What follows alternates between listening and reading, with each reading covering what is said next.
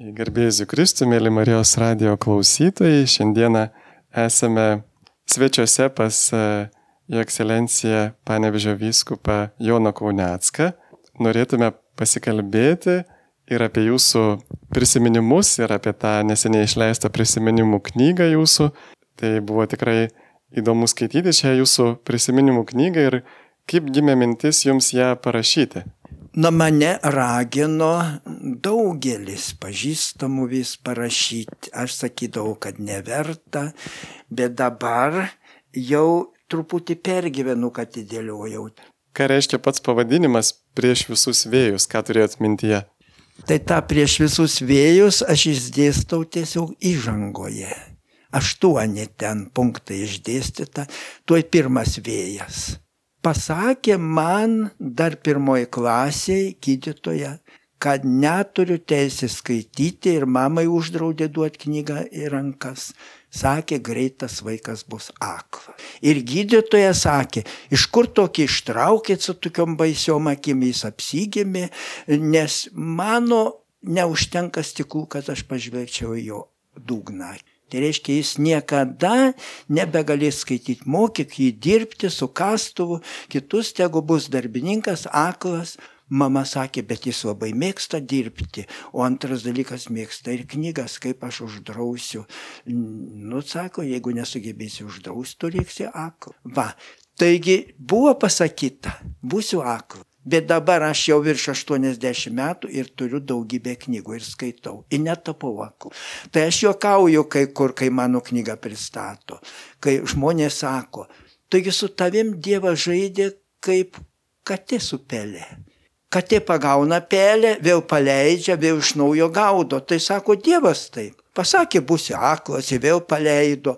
Pasakė, kad būsi nemokytas, kai baigė septynmetį. Pasakė, kad nebėra jokios galimybės mokytis. Tai aš tada atsakau, tie, septyni, tie aštuoni vėjai ar septyni vėjai ir yra ženklas, kad velnė žaidė su manim, o Dievas vis velnių žaidimus pašalino, pakeisdavo visai. Juk man buvo pasakyta, kad niekada nebūsi kunigu, Nors aš dar mokykloje nejau, jau savo dvasia kunigavau, jau užlipdavau ant jaujos užsi, užsitiesęs arklių gūnę ir vaikams sakydavau pamokslus, penkių metukų būdamas jau sakydavau. Tai reiškia, tai buvo mano pašaukimas, bet pasakė, kad niekada nebūtų. O Dievas vėl pakreipė su laiku kitaip, negreit, nes Dievo kova su velniu irgi neina taip sklandžiai iš karto reikia, kad ir žmogų išbandyti. Taip, ir man atrodo labai tikrai ironiška, kad va, jūs esate vienas iš tų kunigų, kurie turėjot beveik pačias silpniausias akis, bet kartu esate vienas iš tų kunigų, kurie labiausiai mėgstate knygas ir turbūt esate labiausiai apsiskaitęs ir daugiausiai knygų perskaitęs. Tai iš tikrųjų toks labai evangeliškas paradoksas išeina ir turbūt, kad uh, jeigu nebūtumėt turėję tokio išbandymo su akimis, gal, galbūt taip nebūtumėt ir mėgęs tų knygų, jeigu, jeigu jos būtų taip lengvai perskaitamos. Ko gero būtų tai buvę. Nes, tarp kitko, net ir be knygų, melioratoriai reikia naudotis tiksliais optiniais instrumentais, kurie labai gadina akis. Aš pažįstu melioratorių, kurie apako. O su tokiom silpnom akim, su tokiom manęs neturėjo primti melioracija, vis tiek aš išlaikiau visą laiką ir dabar galiu skaityti. Tai va, reiškia paradoksas ir velnio žaidimas, ir, ir Dievo gelbėjimas. Sako paštalas Paulius, kad e, Dievo galybė labiausiai pasireiškia silpnume ir čia tikrai galime žvelgti tam tikrą Dievo malonę, kad e, kaip ten sako, atėjau daryti teismą, kad neregiai praregėtų, o regintieji apaktų. Taip. Kokie jums žinomi kunigai visuomenės veikėjai buvo jums pavyzdžių tuo metu, kada, pavyzdžiui, buvo jūsų, jūsų jaunystė ir kodėl, kuo jie buvo jums pavyzdžiai? Nu, man sunku pasakyti, kas buvo pavyzdžiai, dėl to, kad aš paauglys iškeliavau iš namų melioracijas mokytis. Ir jau savo gimtosios parapijos negalėjau nieko pažinti. Na ir tada panevežį. Taigi panevežį visų dėmesio centre buvo viskupas Kazimieras Altarus. Nors jis buvo ištremtas net iš, iš panevežio į Vilnių ir vis tiek jį tiesiog dievino visi žmonės ir kalbėdavo, kad tai viskupas.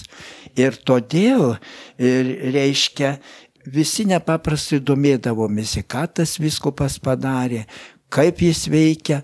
Nu ir čia panevežį Mane ypač veikia kunigas Alfonsas Lipniūnas. Nustepsit, sakysit, kad jis buvo jau seniai miręs, kaip aš prisiminimas įsireiškiu, aš dar anksčiau be kelnių, kai jau e, mirė Lenkijoje kunigas Alfonsas Lipniūnas, bet vis tiek aš su juo nuolat bendravau. Kaip aš su juo susipažinau?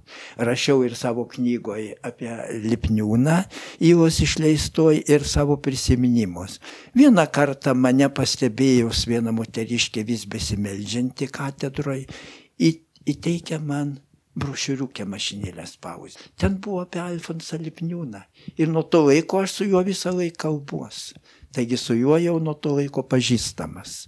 Tai va, Alfonsas Silpniūnas labiausiai veikia. Ir dar pasakysiu tokį dalyką, kurio į prisiminimus neparašiau, bet dabar prisiminiau.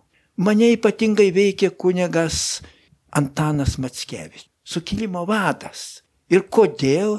Aš tais komunistiniais vaikais perskaičiau apie sukilimą, kokią knygutę ir mano širdis užsidegė, kad reikia būti tokiam kaip kunigas Alfonsas Ilpniūnas. Arba žmonės labai kalbėdavo apie uh, kunigą Antaną Strasdą.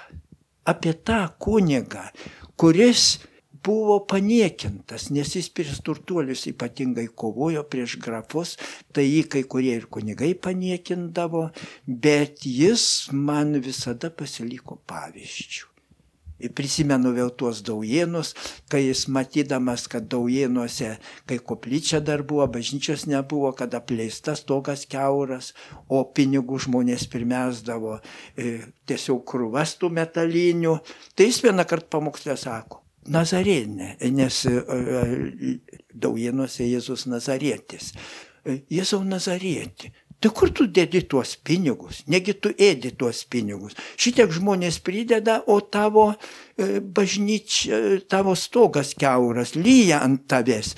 Ne, keliauk iš čia, pabėg ir aš daugiau čia nekeliausiu. Tai žmonės ėmė šaukti, ne, ne, uždengsim stogą ir tikrai va paveikė. O pavyzdžiui, Ką Jūs prisimenate apie kunigą Juozas Debski, turbūt su juo kartu ir dirbote, nes e, skaitant jo raštus, bent jau man asmeniškai tikrai atrodo kaip, kaip šventojo raštai, ar aš klystu. Tačiau jau žymiai vėlesni laikai, jau, jau aš buvau kunigu, ne, aš su juo susipažinau dar nebūdamas kunigu, būdamas melioratorium. Tai e, jaunimui Alitaus, kur aš dirbau. Tamkevičius ten buvo įsteigęs jaunimo burelius, tai tiem jaunimo bureliam karts nuo karto kunigai pravesdavo susimastymą, rekolekcijas. Tai tokie kunigai, kurie pravesdavo, buvo Stepskis, buvo e, Tamkevičius, buvo Alfonsas Varinskas. Tai va, bet tai buvo jau tada, kai aš troškau į seminariją, kai manęs nepriėmė. O ką nors, e, kaip pasakytumėte, ar, ar tikrai Zdebskis, ar jis buvo šventas kunigas, ar vis dėlto, na, negalėtume jo kada nors paskelbti šventuoju? Sudėtingas dalykas dėl to, kad kai kurie jį kaltindavo, kad labai pavėluodavo į pamaldas. Net man yra tekę, kai aš jau buvau kunigu, nuvažiavau ten prie ežero vesti Eucharistijos bičiuliam rekolekcijas ir apsigyvenau jo klebonijoje. Ir jo buvo užsakytas vieną šeštadienį metinis, o jo nėra. Ir neaišku, kada grįž. Tai aš nekeliau pas tą jaunimą, paukojau mišes toms metinės.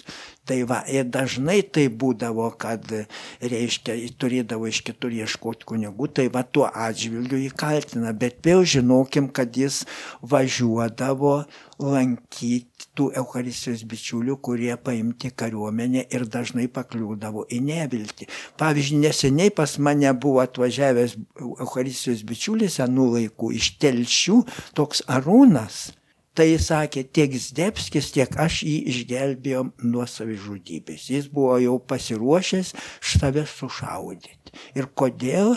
Nes jis pasiskelbė tikintis ir jį labai niekindavo, tai Stepskis yra lankęs. Aš jį lankiau, atvežė mane vairuotojas, tai pasikvietėm į mašiną, mašinoje sėdėdamas aš aukojau šventas mišes ir mišių taurį, žinokit, kas šaukštas, šaukštė vyno.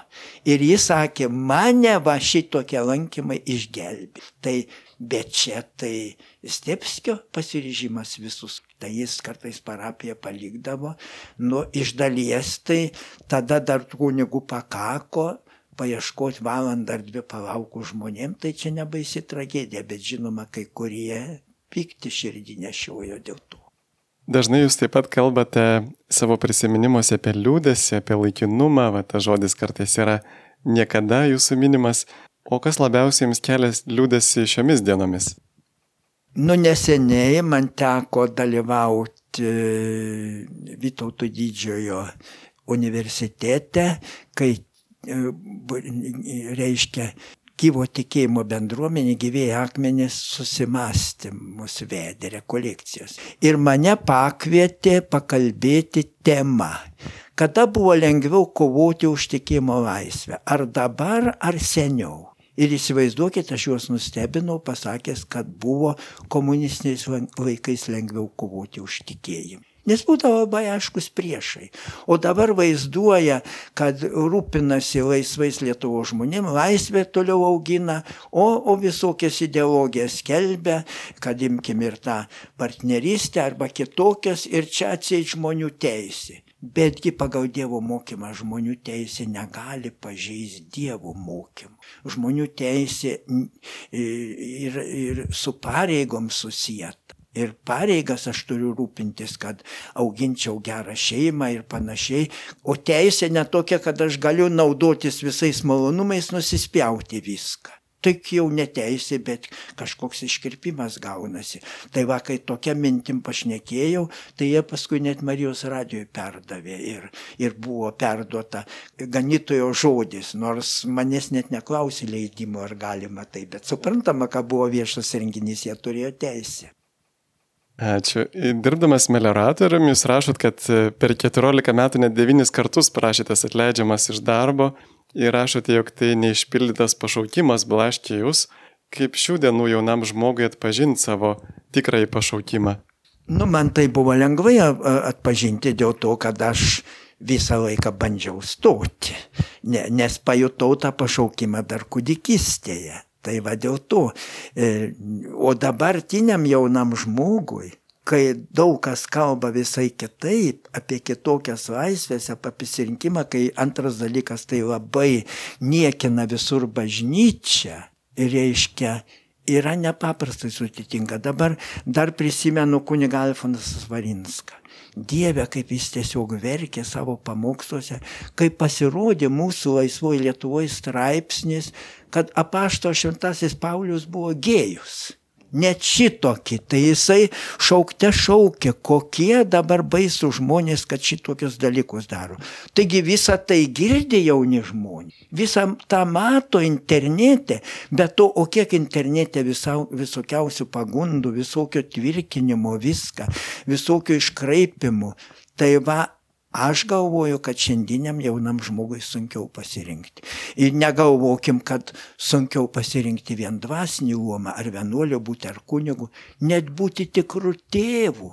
Štai mano pažįstami dėjuoja, kad jų vaikai vedė, liktai gyvena, bet nėra anūkų. Mes verkiam, nes nesulaukiam anūkų. O jie gyvena dešimtmetį ir nutarė net neturėti vaikų. Tai Ar čia neardo pašaukimo šeimai? Tokia galvosena. Tokia vėl galvosena visuotinė. Vėl man vienas pasakojo neseniai, jo 28 metų pažįstama, dar netekėjusi. Tai e, reiškia, ruošiasi tekėti. Bet sako, ne, aš vaikų neturėsiu. Geriau turėsiu du šunis, bet vaikų neturėsiu. Tai ar čia ugdo pašaukimą šeimai? Tai teisingai, labai teisingai popiežius Benediktas XVI, kai jam korespondentas pasakė, kad dabar bažnyčia pergyvena krizę, tikėjimas pergyvena krizę, bažnyčia pergyvena krizę. Sako, pažvelkim, O kas šeimose darosi? Tai kaip tokiuose šeimose gali išaukti bažnyčios pašaukimas? Bet vėl nekaltinkim ir tų šeimų. Tikėjimo juk krizė. Tai va, viskas susideda į tai. Tikėjimo krizė, tada tikėjimo krizė pagimdo šeimos krizės ir tada šeimos krizė pagimdo bažnyčią. Jūs savo knygoje taip pat e, minit irgi apie va, tą pašaukimo ieškojimą ir aš vis galvoju, kad e, turbūt e, šio laikiniam žmogui neįmanoma rasti pašaukimo tada, kada esi išsiblaškęs tarp visų pirkinių galimų, pramogų, malonumų. Ir būtinai reikia tokio susikaupimo gilioje maldoje, kad galėtume išgirsti tą savo sielos balsą, Dievo balsą mūsų sieloje, kur Dievas mus kviečia. Ir va, tas paviršutiniškumas turbūt maldos apleidimas ir trukdo atrasti, kur Dievas mane kviečia. Ir esame blaškomi, kaip, kaip šakos vėja, kartais ir šetono blaškomi. Dar man buvo įdomus faktas, kai jūs paminėjote apie 17 tūkstančių memorandumą, kada ta žinia apie pažeidžiamas tikinčiųjų teisės pasiekė ir užsienį ir, ir turbūt tai vedė ir link vėliau katalikų bažnyčios kronikos idėjos. Taip susimastymuose daug kartų Tamkevičius, E, kalbėjo, kad paruošėm raštą apie tikėjimo persekiojimą Lietuvoje ir norim, kad tai pasiektų Brėžinevą ir kad visas pasaulis sužinotų. Reikia surinkti kuo daugiau parašų. Tai aš pasiėmiau lapus ir rinkdavau parašus ir net subūręs jaunimo burelį Alitui ir kartais tiesiog rizikingai rinkdavau parašus. Vieną kartą aš nusimęs akinius, apsirengęs ilgą lietpaltį, galvoju, nieks nepažins ir renku parašus. Tai buvo šeimininkė Simne. Kažkaip buvo į Alitų, eina į bažnyčią. Jonai sako, ką tu čia dabar darai? į pagalvojau, čia rizikinga, jų gali, girdėjau, kad pavyzdžiui, rietave suėmė renkančius, renkančius parašus kitur ir aš įkliūsiu. Nu tai jau tada alitui neberinkdavau parašų, rinkdavau, pavyzdžiui, pivašiūnos, santaikoje, mirosovė, kitur su draugais. Nu ir ačiū Dievui, su draugais man pasisekė 3,5 tūkstančių surinktų, iš viso 17 tūkstančių. Nu, gal įspūdingiausia buvo, bet gal ne, nereikia pasakoti, kaip atsitiko pivašiūnuose. Pivašiūnuose pirmačiausia, kaip darydavom, kad neįkliūtume, visada į parašus, rink, parašų rinkimą keliaudavom su moteriškė. Toji moteriškė turėdavo tuščius lapus, be parašų, įprinkę parašus jai paduodavom. Jinai bažnyčios gale būdavo, bobinčiui. Ir Tada iš jos paimdavau lapus arba atiduodavau jai pasidairęs, kad nieks į ją než, nežiūri. O kas prie jos tos moterėlės kabinsis? Nieks. Tai va. Ir, ir taip jos, e, e, per jas buvom garantuoti, kad nepaklius parašai. Galų gale pakliusiu aš su vienu lapu tik tai. Tai nieko baisaus su vienu lapu. O kas buvo pivašiūnos? Prieina Zakristijonas ir pasako, klebonui skambino iš Alitaus saugumo. Kažkoks su akiniais renka parašus. Tai sako, tu dink iš čia. Ir dabar aš nuėjau autobuso stotelę, galvoju, parvažiuosiu į Alitų ir buvo nepaprastai slidu, lijundra. Ir nekursavo autobusai. Aš galvoju, bet tada man reikia nueiti už 8 km Tai ten į Vilnių kelias, ten tikriausia bus nuvalyta, parvažiuosiu, aš nuėjau, o pasirodo, negalėjo atvažiuoti nei saugumiečiai tada į pivašiūnus. Atvažiavo tik po pietų ir klausinėjo kortas. O tą moterėlę aš palikau su parašais. Jau su ją susitikau tik gal po savaitės vėliau, nes manęs jau ne, ne žingsnio nebuvo, jie negalėjo manęs pagauti. Į daugus tiesą aš jau buvo užstrigęs tas pavadinimas o iš daugų savo ramiausia parvažiavau į Alitų. Tai va, tokie žygiai buvo. O namie pas šeimininkus buvo neįgalus sunus. Tai aš parsinešęs, pas jį kambarį nuėdavau, po jo kilimu pakiždavau tuos lapus. Kad pas mane vėl, jeigu kratytų, tai nieko nerastų, o kas ten kratys pas tokį neįgalų. Tai va tai buvo su tais parašais. O kodėl jie nukeliavo į užsienį? Paskui net ir su mumis svarstė, e, Svarinskas ir Tamkevičius. Jeigu mes dabar nusiusim Brėžnevui, nes adresuota Brėžnevui, tai ko gero pasirašius žmonės persekius ir į tai nekreips jokio dėmesio. Tai buvo nutarta išgabenti į užsienį. O kaip išgabenti? Reikėjo nuvežti Maskvą kad perduotų užsienio diplomatam, kokiem korespondentam ir kad užsienį padarytų kopiją ir kopiją atsiustų Brėžnev. Va toks kelias. Bet tas tas 17 e, e, tūkstančių memorandumas, galima sakyti, ir man atvėrė kelią į seminariją. Nes kai 71 metais ėmė skelbti visokią radijai, po to jau 72 man atsivėrė durys.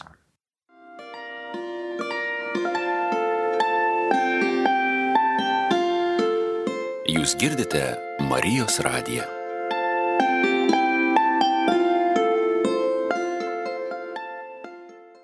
Gerbiami Marijos radio klausytojai, jūs girdite laidą, esame svečiuose pas e, gerbiamą Panevežio vyskupą emeritą Joną Kaunecką, Panevežyje.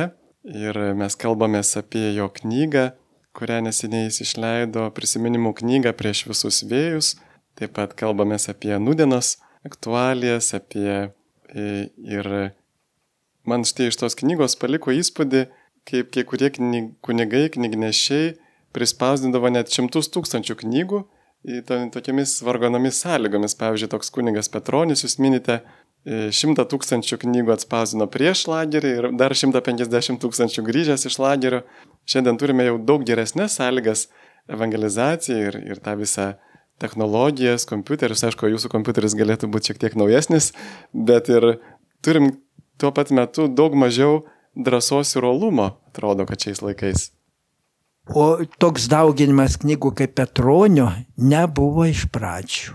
Nebuvo. Padauginti labai sunkias galimybės turėjom. Pavyzdžiui, aš dar prieš į seminariją stodamas čia panevežį susipažinau su viena vienuolė. Ir su juo anksčiau susipažino kunigas Debskis su inžinieriumi Vaičiūnu. Ir jie jos kambarėlį sukonstravo kopijavimo mašiną Eros tipo, kuri galėdavo padaryti kopijų nedaugiau 10 egzempliorių. Po to reikėdavo jau tą padėti iš naujo ir tas medžiagas surasti visokias. Tai va, Ir man net tik kunigų seminarija, nu, jinai nukopijuodavo knygas, net ir 50 egzempliorių tiražo, tai reiškia po kelis kartus kopijuodavo. Ir aš kunigų seminarijoje studijuodamas, klerikam dalindavau tas knygas. Tai va, tokios sąlygos buvo iš pradžių. O vėliau jau dirbant kunigų, pavyzdžiui, telšiuos, jau atsirado talkininkų ir kitokių. Pavyzdžiui, tokia Bitautienė. Telšiuose dirbo statistikos valdyboje. Ir turėjo kopijavimo ir er, valdomą kopijavimo e, mašiną ERA. Tai jinai man yra nukopijavusi katekizmą 50 tūkstančių. Daugiau reiškia ir net į Baltarusiją nukopijavus rusiškų knygučių, į Ukrainą Bet kaip jį darydavo? Nukopijuoja, ryšulius atneždavo, neįrištus. Tai mane kaimynas toks tonkus susipažino su vienu žmogum, kuris sako, gali įrišti. Ir jis įrišinėdavo. Ir aš įsivaizduokit, iki šių laikų to žmogaus net pavardės neklausiau. Nes visą laiką laikėmis atsargumo, kad gink Dieve, jeigu įkliusi, kad neišduotum. Ir va, tokiu būdu keliaudavo knygos. O vėliau atsirado jau, kad pačias spaustuvės pasidarė, kaip jau Petronis kiti, bet iš pradžių šito nebuvo. Buvo daug sutitikesnės sąlygos.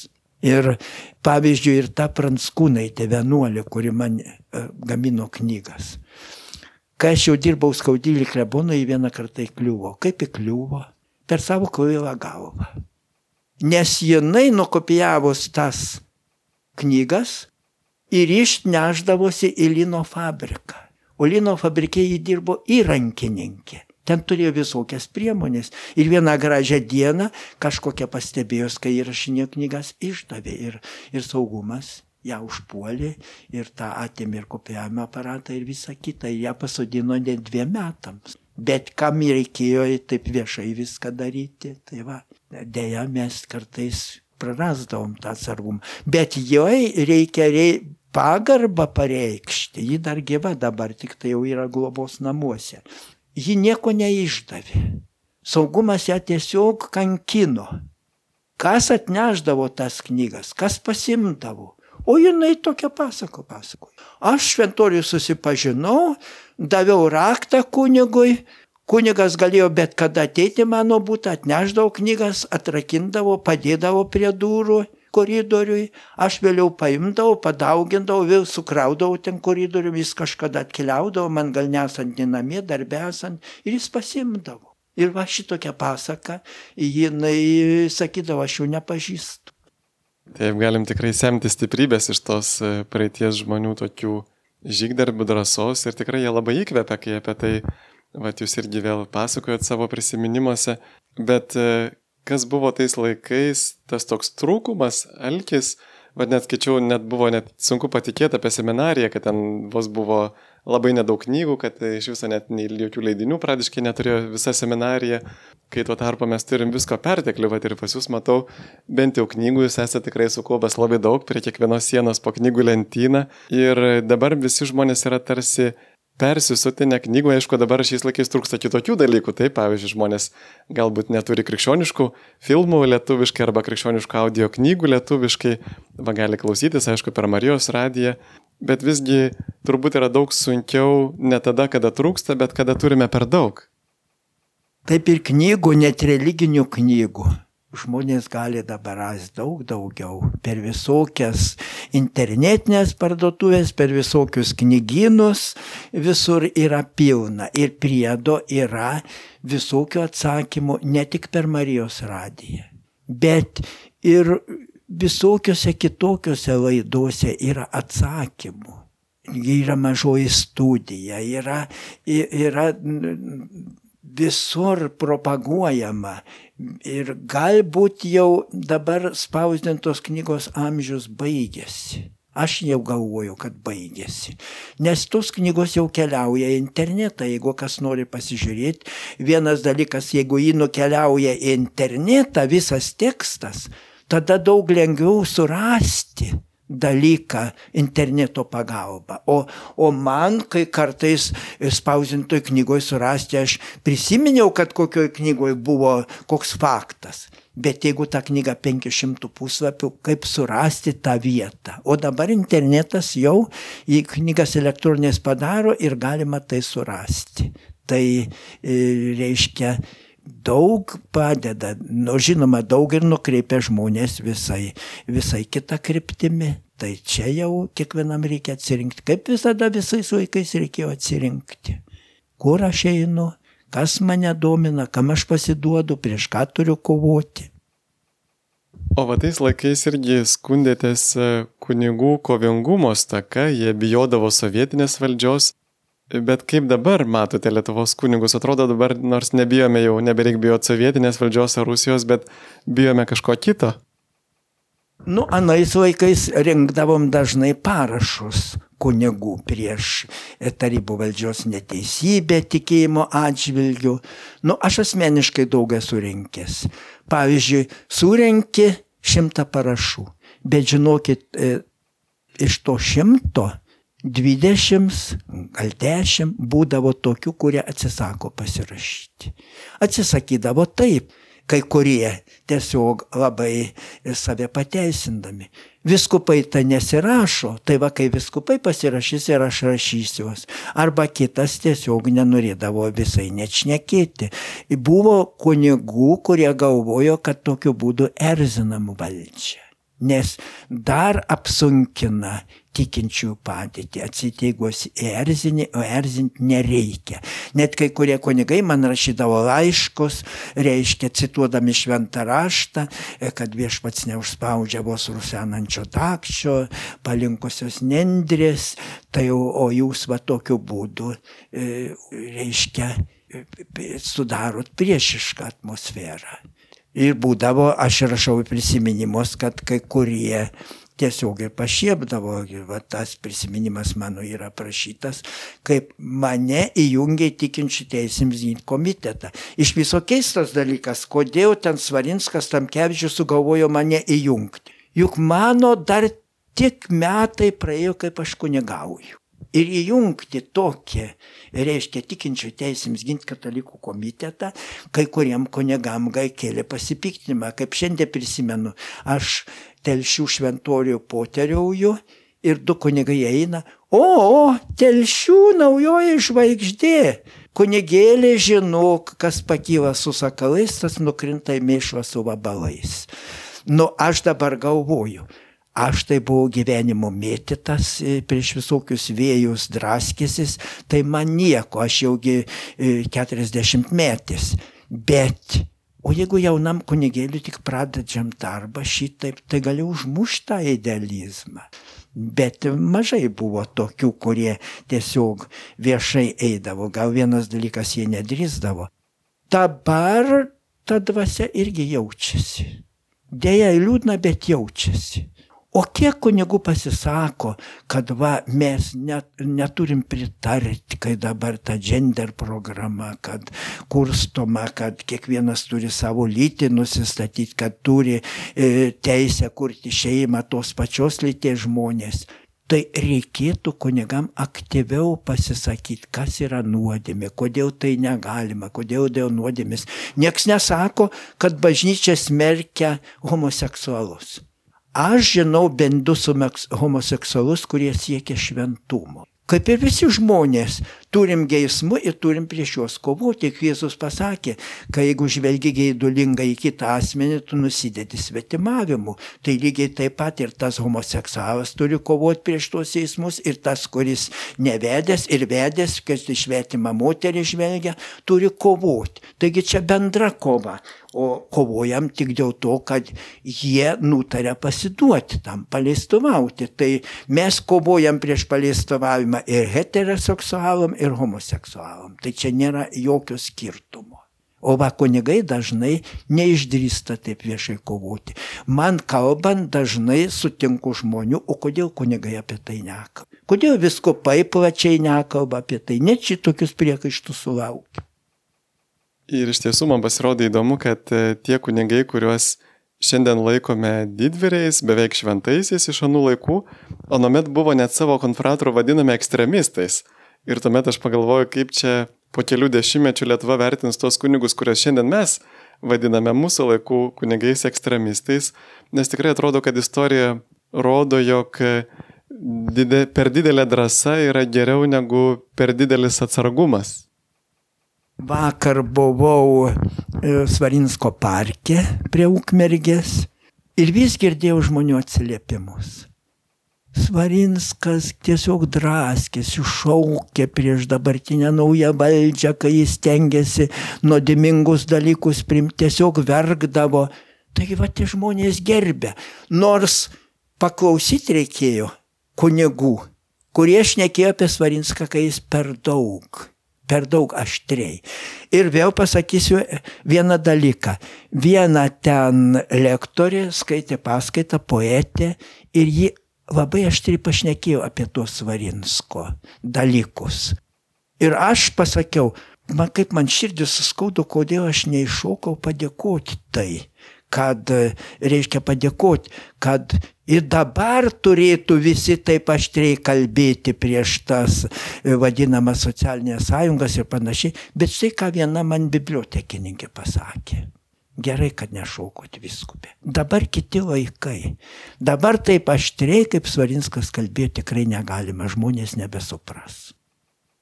Ačiū. Na ir e, ką galėtumėt pabaigai pasakyti tokį padrasinimo vilties žodį pagyvenusių žmonių dienai šią savaitę. Taigi pagyvenę žmonės faktiškai dabar yra bažnyčios ramstis. Nes pasidarykim bažnyčioj. Retą pamatysim jauną. Iš esmės pagyvenę žmonės. Ir aš, kaip klausau iš pažinčių ir kasdien, tai labai dažnai girdžiu tų pagyvenusių skundus kad žiūrėk, dukra gyvena susidėjus, sunus gyvena susidėjęs, tai vėl tai girtaujantis, tai panašiai. Ir jie tiesiog verkia. Aš vieną kartą nesu, esu pamokslę sakęs, jeigu dabar tos ašaros žmonių susirinktų, ko gero mano klausykla plauktų jau bažnyčioj. Bet aš visada sakau, jeigu jūs tai pergyvenat, jūs dėl to ver, verkėt, tu jūs esat pasaulio gelbėtojai. Jeigu jūs nenustojat melstis, tai žinok, ir jūsų sonus ir dukra nepražus. Galbūt jie atsivers po jūsų mirties, man yra daug kartų tekę ir dirbant klebonu atras, e, sutikti tokius žmonės jaunus, kurie tiesiog niekino motiną besimeldžiančią. Už tai per svaituvės suklaupė prie klausyklos. Nors tarybiniais vaikais buvo rizikinga taip suklaupti. Imkim, jie mokytojai, kas rizikavo, kad bus pašalinti iš darbo, bet vis tiek motinos svaituvėse negalėjo kitaip pasielgti. Tai va, turėkim tokią viltį. Ir antras dalykas, taigi jūsų tikėjimas, tai yra pamoka visiems kitiems. Ir aš savo prisiminimų knygose rašau, kaip susidūriau su viena Galkino vietovėje moterimi. Tai aš tada važinėjau po Altajus krašte pas Sibiro vokiečius ir turėjau jau grįžimui biletą iš Pavlodaro. Ir dabar važiuoju per Ščerbaktus šimtas kilometrų nuo Pavlodaro ir galvoju, va gal kieno vietovė liko neaplankyta. Gal ten ligoniai manęs laukia. Nu tiek to Dieve atleisk, aš išskrisiu, atvažiuosiu gal po metų, aplankysiu. Ir dabar nuvažiuoju į Pavlodarą, jau lėktuvo biletė tie suregistruoti, man pasakė, Deja, negalim jūsų priimti. Per klaidą į tą pačią vietą pardavėm du bilietus. Tai jums atidedam reisą iki rydienos. Taigi aš apsidžiaugiau. O ten tik šimtas kilometrų, nuo Šerbaktai tik dvidešimt, tai aš aplankysiu ten, kur buvau prižadėjęs. Ir štai ir paukojau pas Sibiro vokiečius, ten pavlodarė pas pažįstamus, paukojau būtė mišes, pasimiau švenčiausią, nes reikės pas ligonius.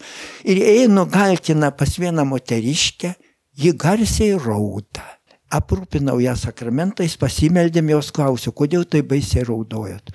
Sako, dėl to raudojau, kad aš keikiau Dievą. Kad Dievas apgavikas, sakiau.